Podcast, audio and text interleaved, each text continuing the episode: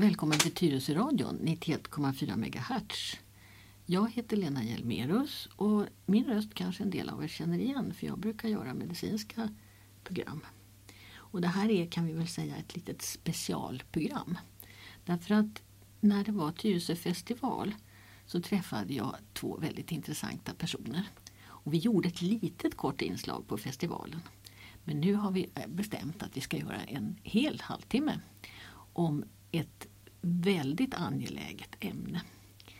Jag tror att vi presenterar ämnet först och säger att det här kommer att handla om balans i livet och fallrisker, risk för att ramla. Och det är ju nu höst och det är is och det är mörkt och det börjar bli riktigt högsäsong för den saken. Och specialisterna på det här nu då, nu ska ni få presentera er själva. Ska vi börja med dig? Frida Ranhem, jag jobbar som fysioterapeut i Tyresö kommun. Och för alla som inte vet vad en fysioterapeut är. Det är det nya namnet på sjukgymnast. Ja, och jag ska ju tillägga då också att det är ett mycket bättre namn. Därför att eh, det heter det i alla andra länder. Det var bara i Sverige som vi hade sjukgymnaster. Mm. Eller lufthoppor som de hette om de var utbildade i Skåne. Ja, nej men då föredrar jag fysioterapeut. Ja. Du är inte lufthoppare från Skåne i alla fall. Nej.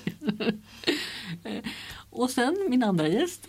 Ja, Marie Pilerta heter jag. Jag är utbildad distriktssköterska i botten, sjuksköterska, distriktssköterska. Men sen är jag anställd som eh, hälso och sjukvårdsenhetens chef här i Tyresö kommun.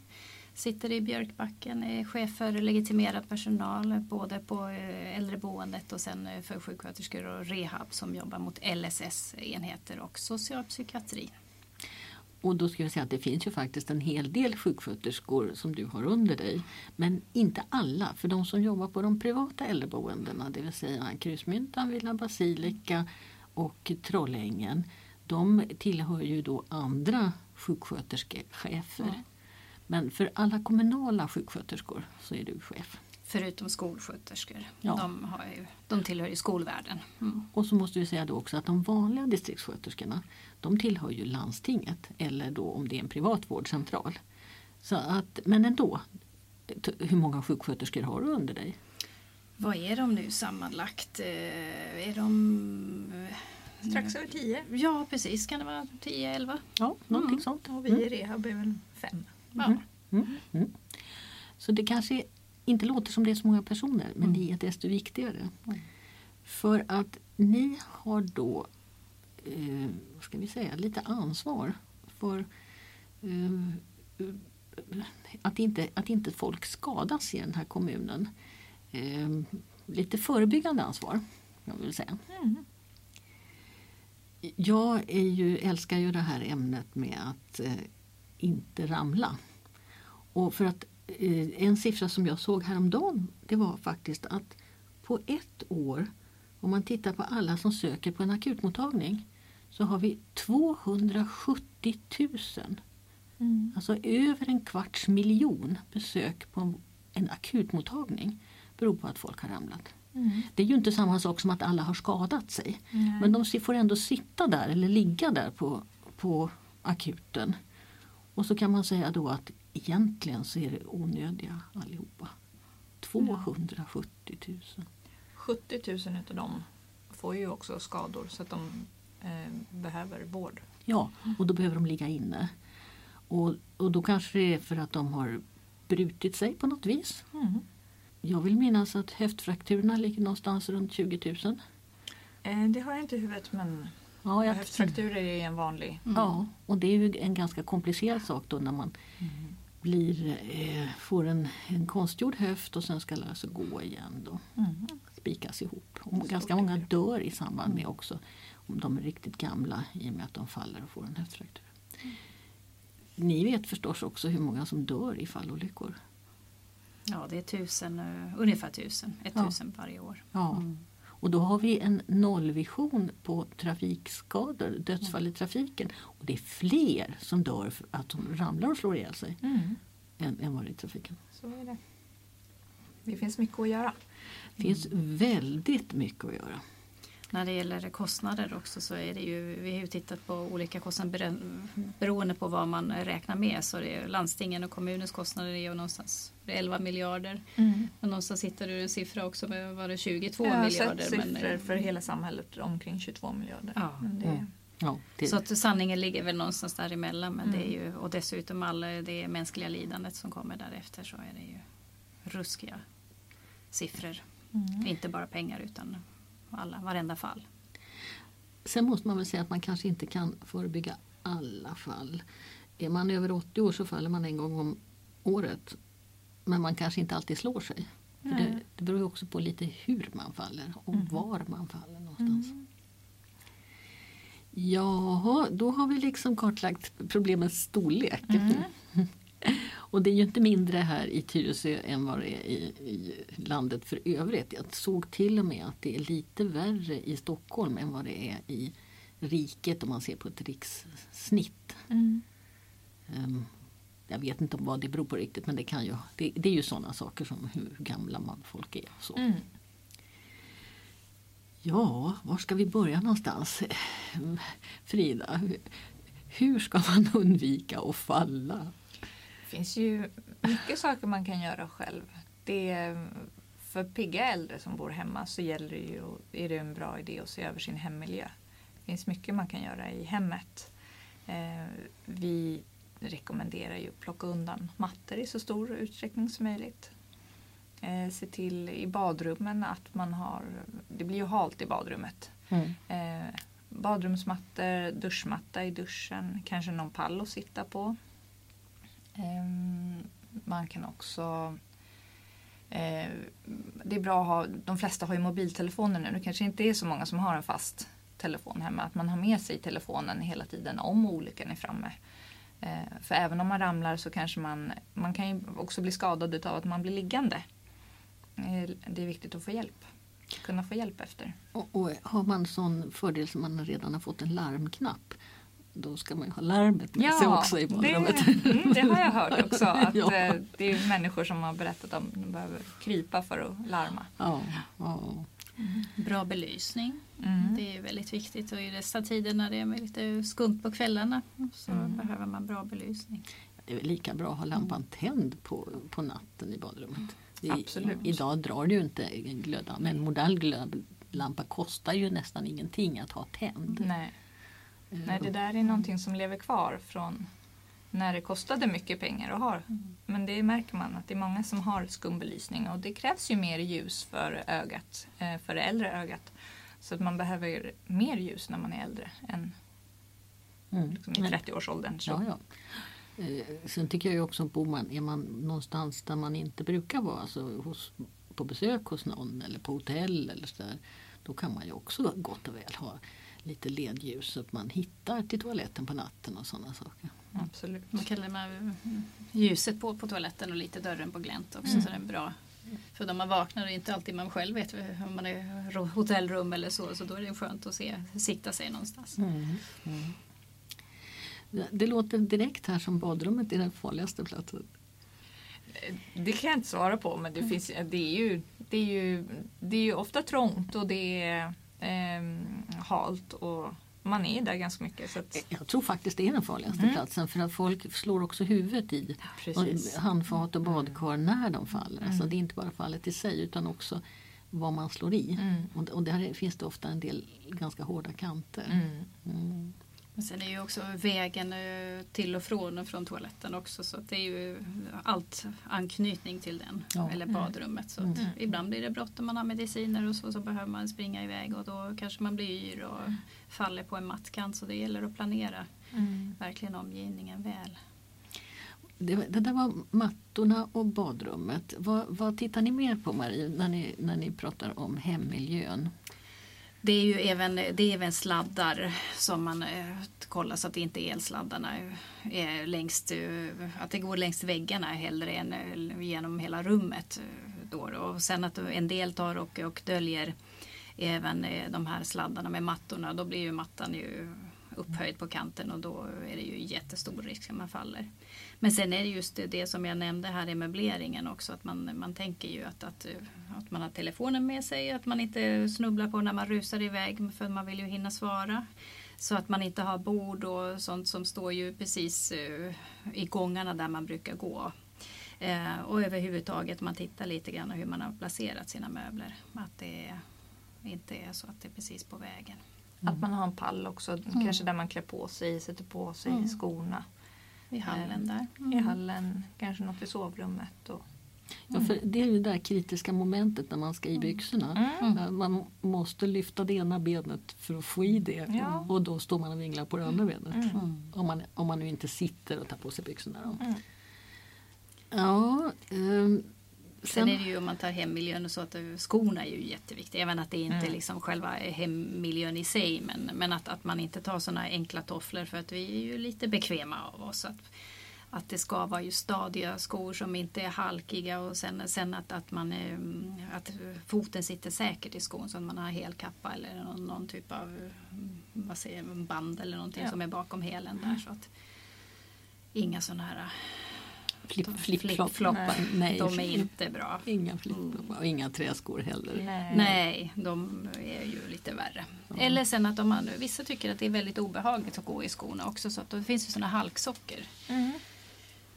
Um, strumpor ja. med um, något mönster under som gör att mm. det inte blir så halt. Helt enkelt. Och det var sånt som vi i vår generation, våra barn hade när de gick mm. på dagis. Men det finns ja. alltså för vuxna den typen lite mm. snyggare faktiskt. Mm. Ja, det är inte, man kan ju inte se ens. Eh, det är Nej, bara det mönstret är där under, under fotsulan så den ser ut som vilken strumpa som helst. Så mm. Det behöver inte vara de här sockerplast eller Nej. Nej. en gång i tiden. Sådana hade jag också i skolan ja. när man gick. Ja, sen, sen eh, hör ju då jag till de som inte är så långa och jag måste ju klättra när jag ska upp i mina skåp numera. Mm. Um, gard, gardiner, och, uh, gardiner och översta hyllan i skåpen det, det börjar bli riktigt knepigt. Vad rekommenderar ni där då? Det är många fall som händer när man är uppe och klättrar. Byter gardiner, byter eh, batteri i brandvarnaren. Eh, om man har svårt att nå i skåpen. Man får ju tänka lite hur man har möblerat i skåpen också. Att, så att man kan undvika kanske att, att klättra för de mer vardagliga sakerna. Men ska man byta gardiner så be någon yngre stadigare om hjälp. Mm. Mm. Våga be om hjälp för det är ju mm. inte alla som gör. Jag har varit på Bauhaus och köpt mig en trappstege med sån här båge som man kan hålla sig i. Mm. En sån där riktigt ordentlig. Och den är väldigt lätt. Den är av aluminium så att den går att både fälla ihop och ställa undan ganska eh, enkelt. Mm. Ja, ska, man, ska man klättra ska man ju ha något stadigt att klättra på. Ja, inga stolar. Nej, inga stolar eller pallar. Precis, en stege med något att hålla i bra. Mm. Men som sagt, våga be om hjälp också.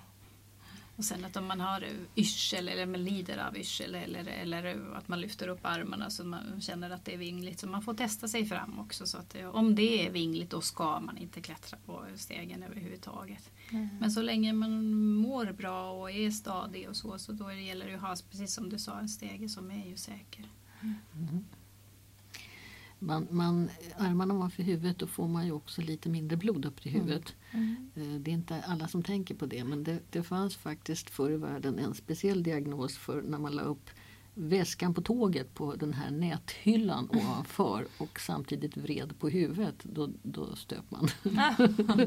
Idag har vi ju inte riktigt eh, men, men det händer ändå att man står och, lyfter upp någonting tungt mm. uppe på, i, ovanpå en garderob eller någonting mm. sånt där. Och då, då stryper man faktiskt blodcirkulationen upp till huvudet. Ja, det där var liksom lite fällor hemma. Jag har ju jobbat lite med hemsjukvård och jag vet att det är inte så lätt att ta bort mattor. Nej. Därför att de, man tycker ju om dem. Mm. Och de, de är snygga och de kanske är lite dyrbara. Och det känns så kalt och utan. Och det här hur, hur, hur motiverar ni? Vad säger ni? Ja, men det, det, där är ju någonting man måste bestämma själv. Det kan ja. ju inte vi.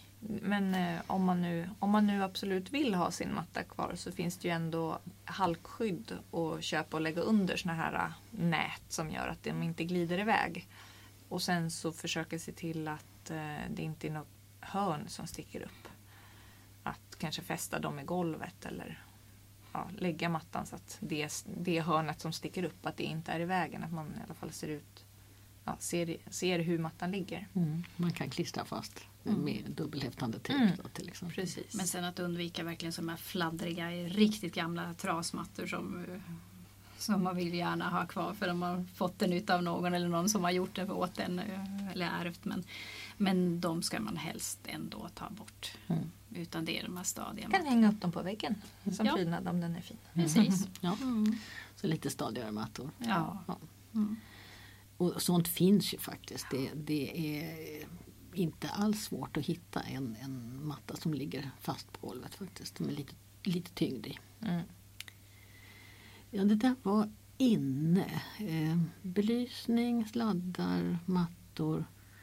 Eh, Syn kanske kan Mm. vara ju också för det påverkar väldigt mycket inne när det är mörkt men även såklart ute också att man har ju då och då går till synlig eller ja, optiker, Optiker. heter det väl och kollar sin syn. För det händer ju saker och ting. För att vi vet ju att, att eh, en av de största orsaker varför vi faller är ju högre ålder och det är kroppen eh, är inte så ung längre och det är inte synen heller. Balansorganet blir ju påverkat men likaså blir synen. Mm.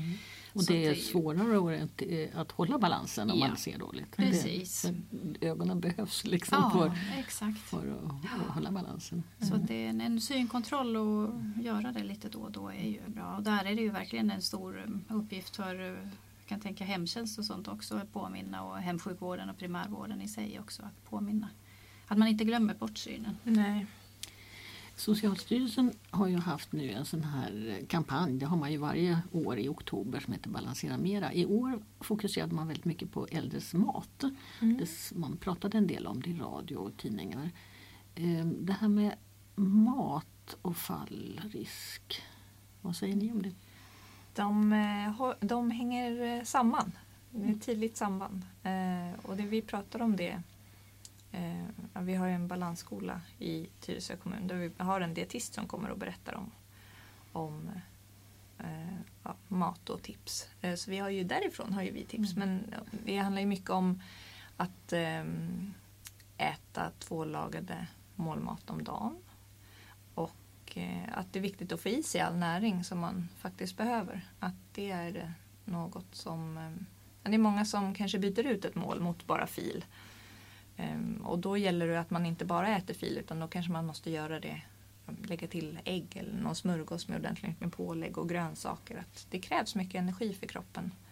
Eh, Och får man inte i sig den energin och den näringen man behöver så påverkas kroppen så pass att det, att det påverkar balansen också. Du menar musklerna blir både svaga och trötta? Ja, Ja. precis. Mm. Eh, Jag brukar också säga att det, det är bra att vara lite rund. Eh, Men det är mest kanske för att försvara min egen övervikt. Att, att eh, då landar man ju lite mjukare. Ja, men så är det. Ja, men man kan få ordentliga muskelblödningar å andra sidan. Och det är inget roligt det heller. Man kan ha muskler också och landa mjukare. Ja, det kan man ha. Och, och då är vi genast inne på det här hur, hur, hur, hur tränar man upp sin balans? Eh, Det är viktigt att träna styrka. Ehm, Muskelmassa är är någonting som försvinner Eh, med högre ålder.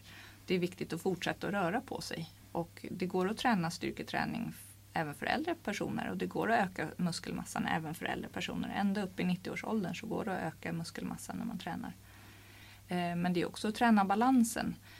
Och när man tränar balans så måste man träna på gränsen av vad man klarar av. Man ska alltså utsätta sig för fara. Så det gäller att planera hur man tränar sin balans. Att man har en strategi för eh, vad man gör när man tappar balansen. För det är så man ska träna sin balans, på gränsen av vad man klarar av. Eh, Strategi, man ska kroppen liksom automatiskt eh, ta emot sig då eller? Jag tänker man måste ha en strategi för var man ramlar helt enkelt. Att man Ja. kanske tränar balansen eh, i närheten av sängen så man kan slänga sig i sängen när man tappar balansen. Eller att man står vid diskbänken så att man har något stadigt att ta tag när man tappar balansen. Mm, mm. Jag brukar stå i ett hörn. Då Mm. har jag, Ja, då har jag liksom bakom mig Ja. hela tiden. Ja. Ja. Det gäller att ha ett fritt hörn bara. Ja. Ja. Eh, eh, Det här att eh, eh, när, man tar emot sig när man faller. Rent instinktivt brukar vi sträcka ut en arm eller så. Mm.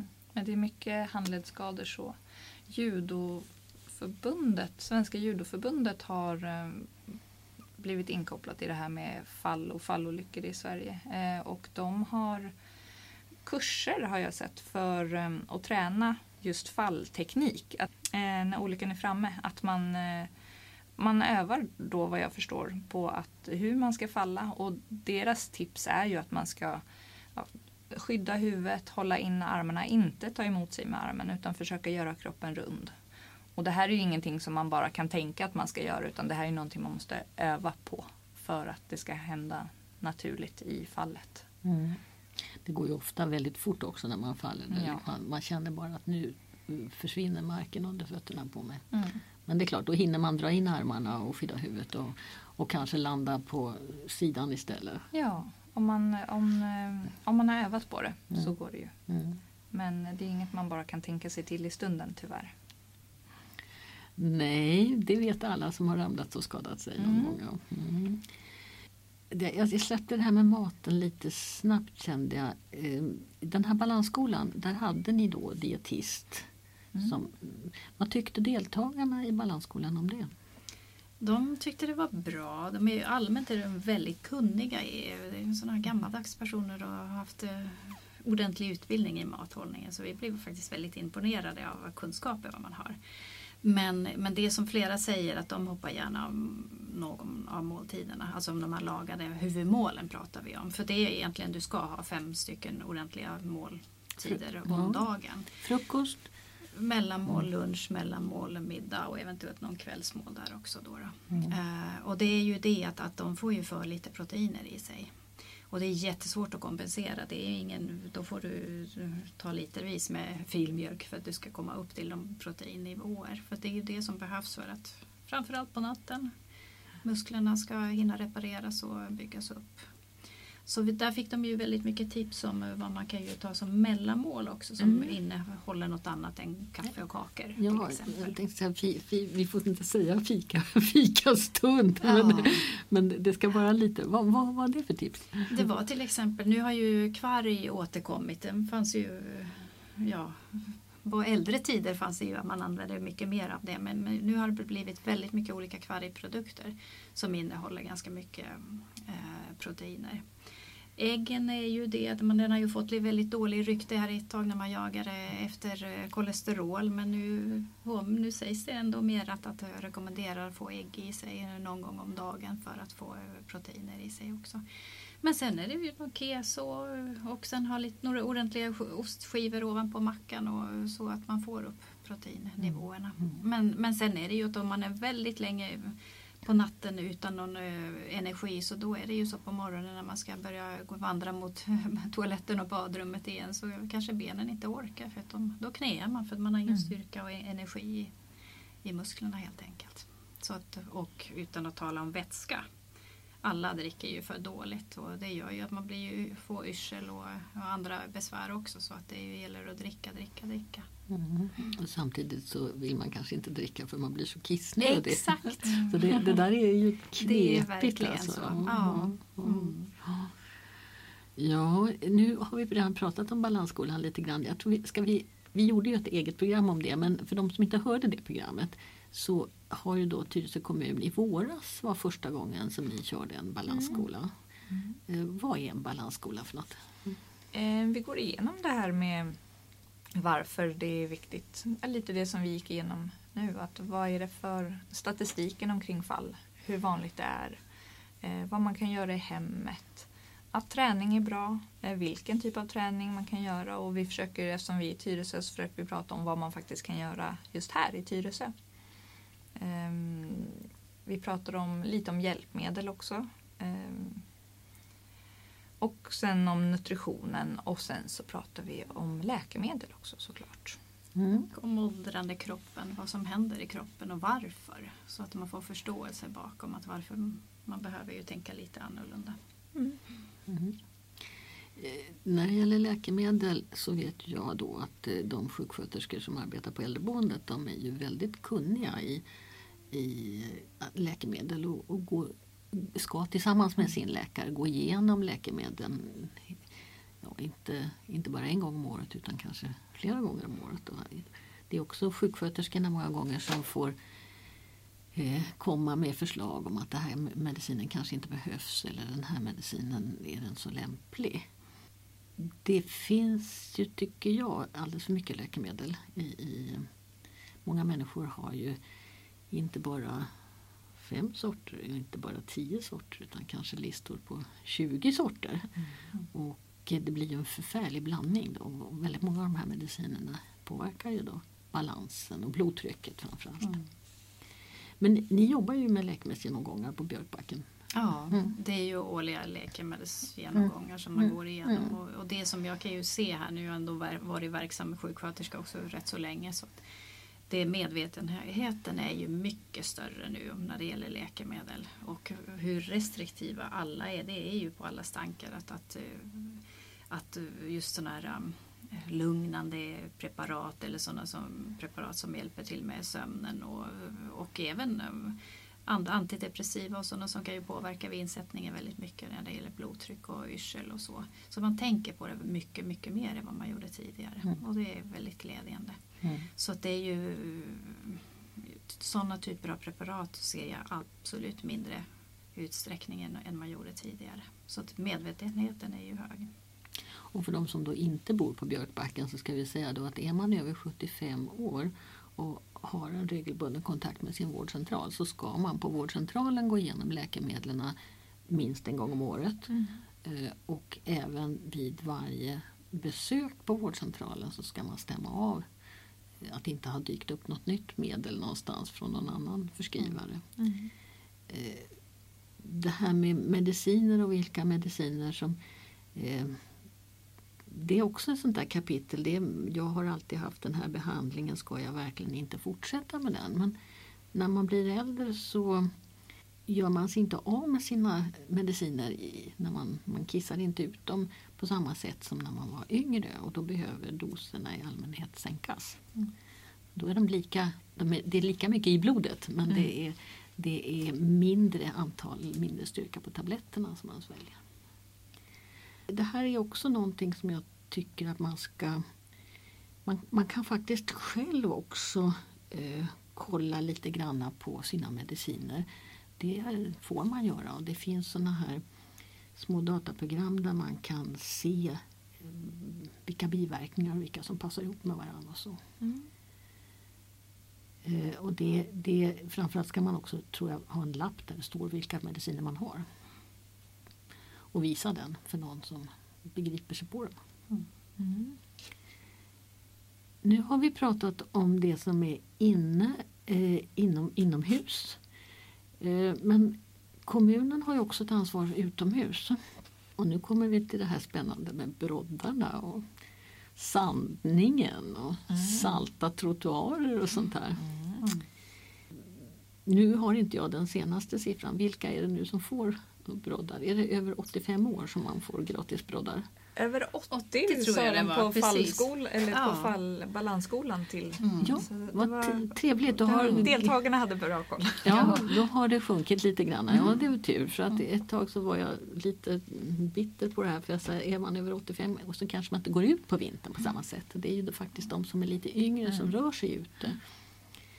Och sen är det också så att är man då under 80 så får man ju bekosta ett par broddar själv men de ja. är ju inte jättedyra. Nej, och de finns på apoteket. Det är lätt att, det finns på många ställen men ja. det är lätt att hitta. Ja. Och väl värda pengarna. Ja, jämfört med om man, om man bryter sig. Ja, precis. Man får tänka så. Ja. Och sen håller de ju i alla fall ett år. Eh, kanske två år. Mm. beror ju lite på vilken typ man väljer och mm. sådär. Sand har vi sand och salt. Mm.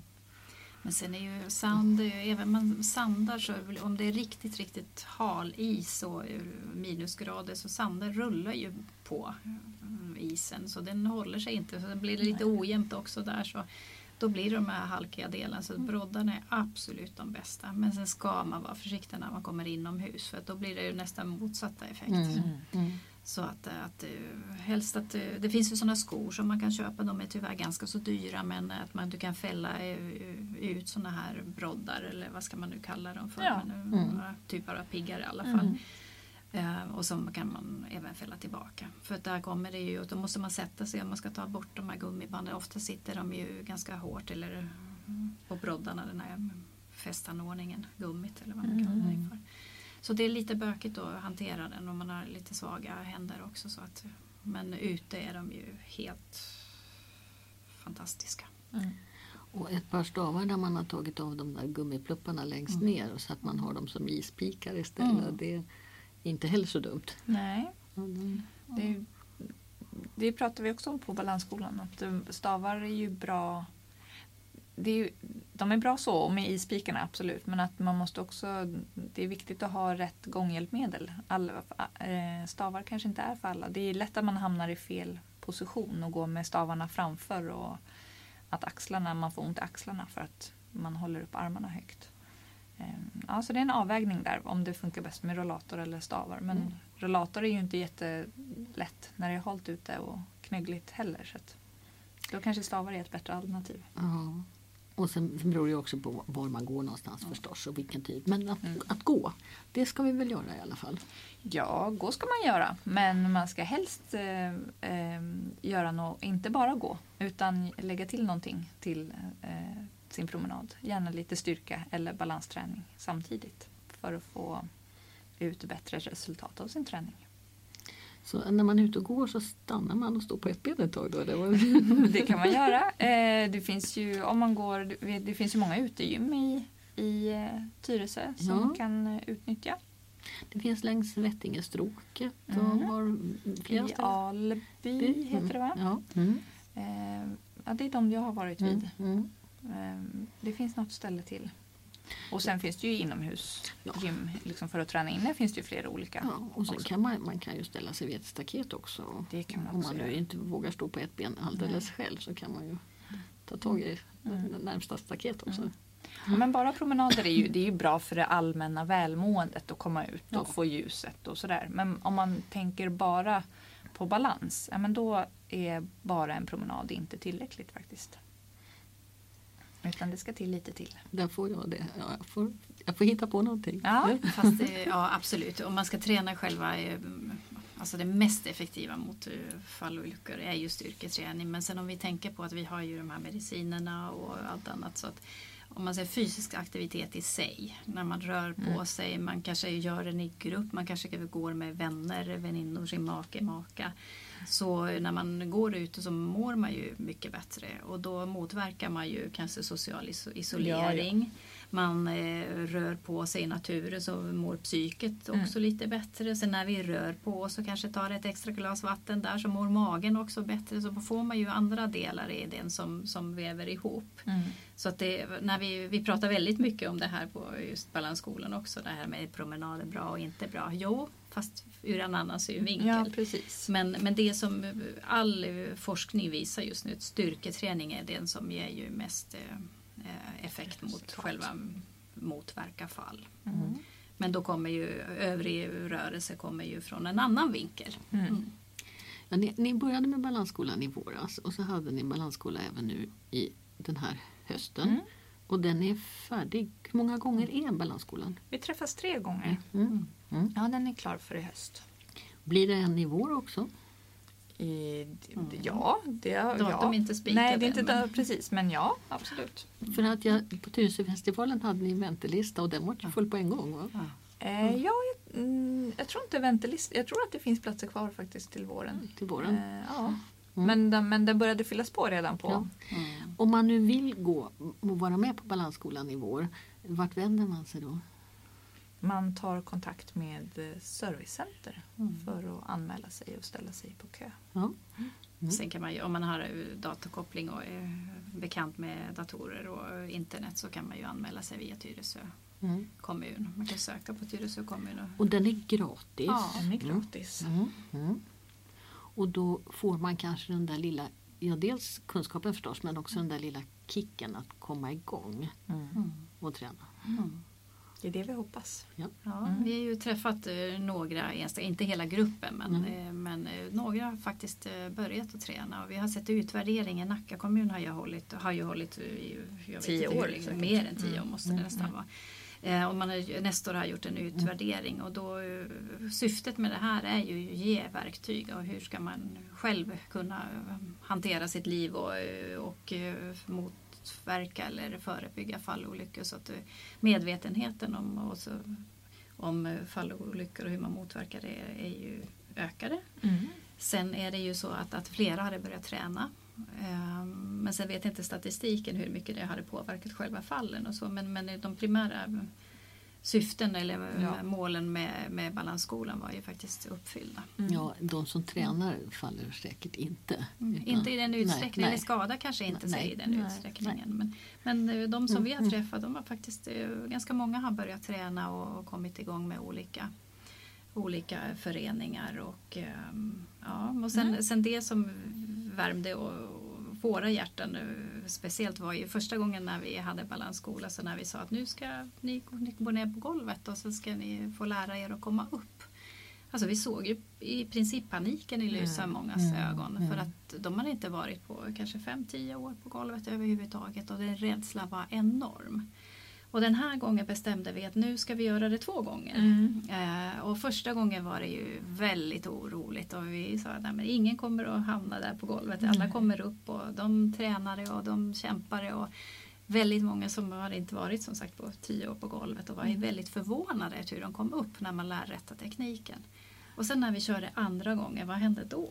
Nej, men då var de ju, då var ju till och med några som hade övat hemma Ja. på att vara nere på golvet. För att de förstod att, eh, förstod att det var viktigt och kände att eh, ja, men nu vågade de. Nu Mm. visste man ju hur man skulle ta sig upp. Ja, och då, då måste vi ju avsluta den här halvtimmen med att säga hur tar man sig upp från golvet? Hur tar man sig från golvet? Man eh, lägger sig på sidan helst. Så trycker man sig upp med händerna så man kommer lite på, sitter lite på sidan. Och sen försöker man ta sig upp så man står på alla fyra på knän och händer. Då måste man liksom vända från sidan Mm, Ja, upp man får vända knäna. runt Mm, lite. Mm. Och sen eh, där får man krypa om så man har någonting stadigt att hålla i när man ska upp. Så man får krypa kanske till en stol eller någon fåtölj eller något. Men helst inte rullatorn som springer iväg. Helst inte rullatorn som springer iväg, något stadigt. Mm. Eh, kryper bort till den, upp och lägger händerna eller underarmarna på det här. Och sen trycker sig upp, tar ena foten i golvet och trycker sig upp till sittande på den här. Och öva. Mm. Öva, öva. öva på det innan. Mm. Och ta det lugnt. Att Mm. När man väl har ramlat att man inte blir så det, blir, det är en stressad situation. Ja. Men man har ramlat och känner igenom, har jag gjort mig illa? Nej, jag kommer inte ramla mer. Ta det lugnt. Mm. Eh, Och känn efter så att man inte liksom, försöker ta sig upp jättesnabbt och så blir man yr och så ramlar man igen. Utan försöka ta det lugnt i Men situationen. om man nu känner att man har gjort sig illa. Då gäller det att kunna larma på något vis. Mm. Och medan man väntar på att någon ska hitta en. Då brukar jag säga att försök att dra ner en filt eller kudde. Mm. Det är bra tips. Så, så att man ligger lite mjukare. Mm. Och eh, förr eller senare så hittar folk också. Ja. Det, det gör de. Mm. För det, helst har man ju sin trygghetsknapp eller, eller telefonen. Det är Mm. därför man ska ha telefonen Telefonen med sig. För att Mm. Det är, även man är ju frisk och kry men om man råkar ramla så illa som man slår axeln ur led till exempel. Det blir Mm. väldigt, för att man har sån smärta och minsta lilla rörelse gör så ont så då kommer man inte upp. Mm. Även om man är rätt så pigg. Mm. Men då, då kan man, om det nu är så illa att man inte har knappen eller, eller telefonen, då kan det vara bra att till exempel krypa mot någon element och sen slå med någonting mot elementen för den brukar ju eka och sen är det, till slut är det någon som börjar undra vad är det som händer när det, när det slår. Mm. Så det kan vara ett bra tips. För det är inte alltid man kan slå så hårt på golvet att det hörs på det sättet. Men elementen brukar vara om man bor i flerfamiljshus till exempel. Och har man en sån här ny fin modern telefon med det som heter appar. Mm. Då tycker jag man ska ha lagt in 112. Mm. För då behöver man bara trycka på den appen. Man behöver inte göra så mycket mer. Mm. Eh, för då, då hittar då går larmet och då hittar man den. Den brukar vara inställd så att den talar om var man är någonstans. Också. Ja, om man ringer, genom, man, om man ringer 112 genom appen så vet de koordinaterna på Mm. vart man är redan vid samtalet. Ja. Så det är jättebra. Mm. Mm. Ja, då får jag tacka er så hemskt mycket Marie och Frida för att ni tog er tid att komma hit och prata lite. Och som sagt, vill ni vara med på nästa termins balansskola så är det bara att höra av sig till Servicecenter. Eh, och eh, behöver ni broddar och är över 80 år så går ni också till Servicecenter. Och så hoppas jag att det blir en vinter som inte blir så hal utan att det ändå går att ta sig fram. Men, men några hala dagar kommer det vara. Första, första, vi- första snön, första dagen, då är det alltid många som ramlar och skadar. Mm.